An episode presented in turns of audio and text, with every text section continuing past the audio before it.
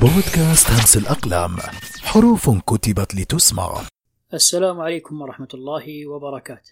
أهلا ومرحبا بكم مستمعي بودكاست همس الأقلام.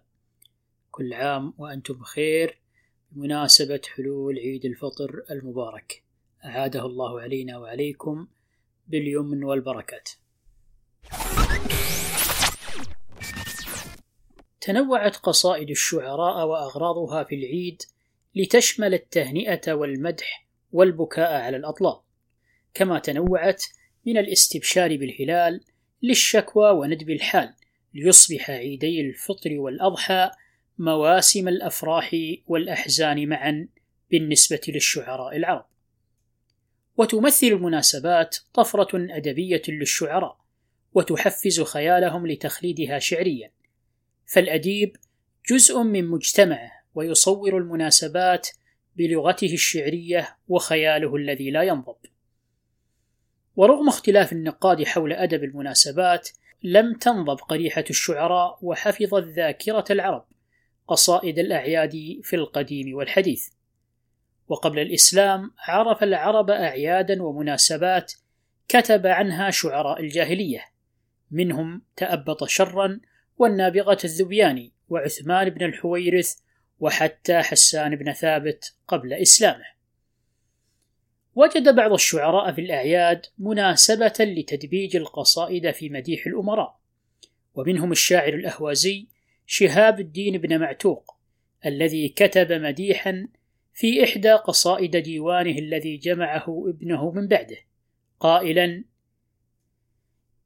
ليهنك بعد صومك عيد فطر يريك بقلب حاسدك انفطارا أتاك وفوق غرته هلالا إذا قابلته خجلا توارى.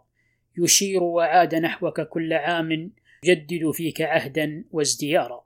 ووجد الشاعر ابن رشيق القيرواني فرصة للتعبير عن شوقه للأمير الغائب المعز بن باديس الذي حكم سبعا وأربعين سنة.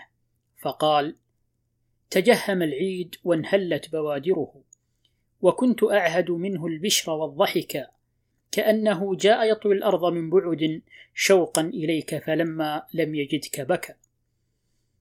ويروى عن الشاعر العباسي أشجع بن عمر السلمي أنه كتب إلى الخليفة هارون الرشيد أبياتا تتراوح بين المدح والتهنئة في أحد الأعياد قائلا: لا زلت تنشر أعيادا وتطويها، تمضي بها لك أياما وتثنيها، مستقبلا زينة الدنيا وبهجتها أيامنا لك لا تفنى وتفنيها. ولا تقضت بك الدنيا ولا برحت يطوي لك الدهر أياما وتطويها. وليهنك الفتح والأيام مقبلة إليك بالنصر معقود نواصيها.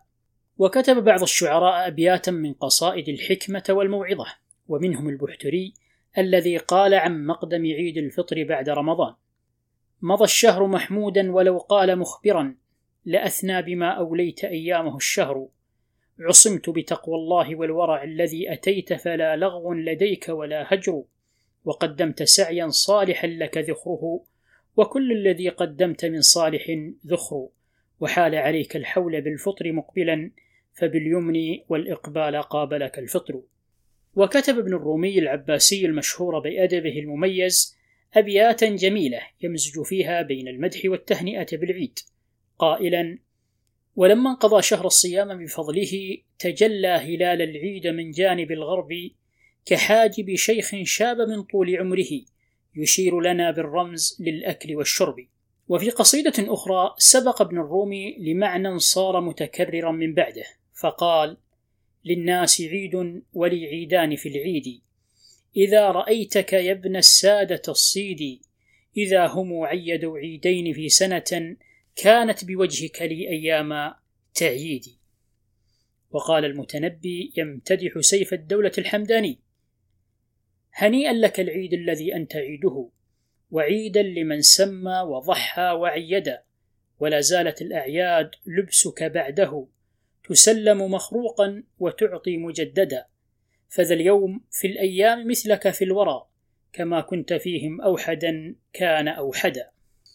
ولا تخلو أيام العيد أحيانا من الشكوى والحزن فبخلاف رهافة حس الشاعر يكون شعور الإنسان بالألم والحزن مضاعفا في العيد أحيانا.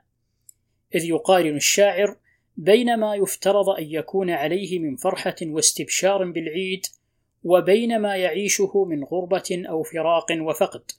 أو حرمان وضيق حال يدفعه للشكوى وسكب الدموع على الأبيات الشعرية.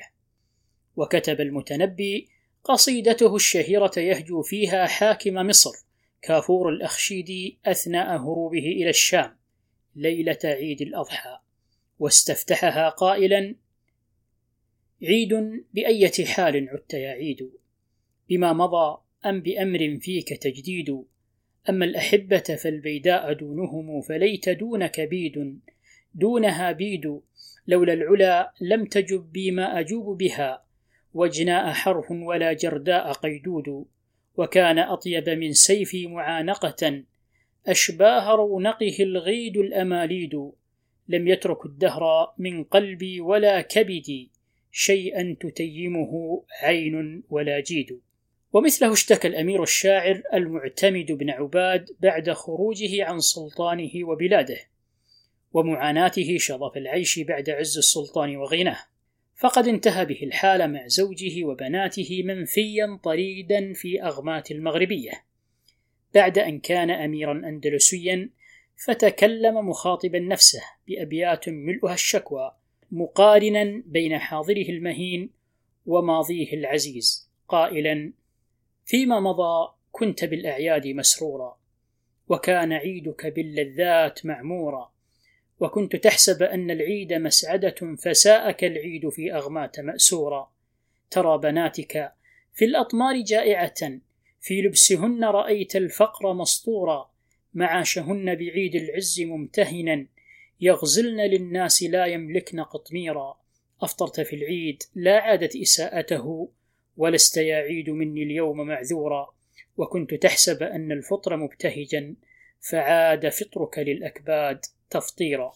وختاما إذا كنت تبحث عن الفرح أو السعادة الحقيقية فاحتفل بالعيد. فالعيد مركز وقاعدة صناعة الفرح والبهجة.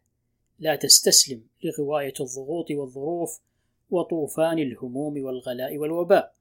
وغير ذلك من منغصات تفرضها مجريات الحياة المعاصرة يأتي العيد ليمنح الجميع قوة جديدة للمقاومة وتجديد خلايا الحب والمودة والرحمة الإنسانية وليضيف عوامل جديدة للانتصار على القوى الشيطانية المعززة لليأس والقنوط.